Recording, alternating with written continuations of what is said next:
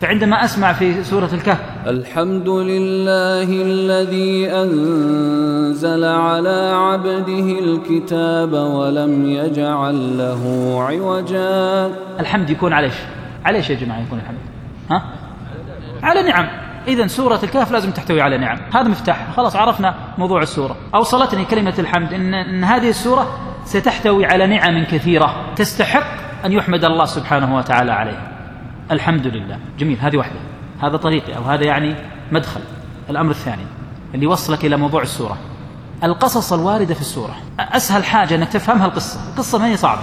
حتى الأطفال الصغار لو سردت عليهم القصة يستمعون لها القصة جند من جنود الله كما قال بعض السلف. فلو جينا الآن كم من خلال قراءتنا لسورة الكهف؟ طبعا أنا أتمنى بعد هالمحاضرة إن كان في أحد ما يقرأ سورة الكهف. تفوتها كل جمعة؟ لا تفوتها لا تفوتها. ترى يمديك تقراها من ليلة الجمعة. ابدأ من ليلة الجمعة ما في مشكلة. أو صباح الجمعة. لا تفوتها لأنك لو استمريت على والله ما هي ماخذة منك ثلث ساعة. القصص الظاهرة البينة كم هي؟ أربعة.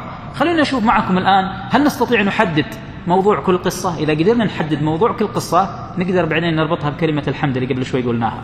نجي للقصة الأولى التي وردت هي قصة الفتية الذين آووا إلى كهف. صح ولا لا يا جماعة؟ وش موضوع من اللي يدور حوله؟ في ناس شباب خرجوا من بلدهم وراحوا الكهف وش قصتهم هذول؟ إيش موضوع من اللي تدور حوله؟ هاربين ليش؟ آه دين. إذا الموضوع اللي يدور حوله المال الدين. إذا النعمة الأولى عندي وش هي؟ إيش يا جماعة؟ اللي قال الله في أولها إيش؟ الحمد لله الذي أنزل على عبده الكتاب. أول نعمة ذكرت في هذه القصة إيش هي؟ نعمة الدين. القصة الثانية يا جماعة هو صاحب الجنتين. اللي كان عنده جنتين ودخلهم وخرج منهم وجلس مع صاحبه يحاول إيش موضوعهم؟ إيش القضية اللي يدور حول الكلام؟ المال ولا لا؟ المال. المال في صورة جنتين بستانين إلى آخره. المال. إذا النعمة الثانية المذكورة إيش المال. قصة موسى عليه السلام لما سافر وذهب والتقى بالخضر وش الموضوع اللي يدور حوله؟ هذا سهل عاد مرة. العلم. العلم. صح ولا لا؟ لأن موسى عليه السلام قال أنا لما خطب في بني إسرائيل أني أنا أعلم أهل الأرض قال له الله لا من تعلم الأرض. اذهب إلى رجل صفته كذا وكذا اذهب تعلم منه. الموضوع كله العلم. العلم نعمة ولا لا؟ نعمة. ذو القرنين إيش أعطاه الله؟ من كل شيء سببا إيش سوى هو هذا الرجل؟ ذهب في شرق الأرض وغربها وجاء وعمل. لكن إيش الشيء اللي معه؟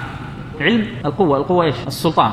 السلطان. معه السلطان. هذه أربعة نعم. دين مال علم سلطان. أربعة. إذا عرفنا أن هذه القصص تحوي هذه الأمور الأربعة عرفنا أن بداية السورة كانت الحمد على مجموعة من النعم المهمة وهي الأربعة.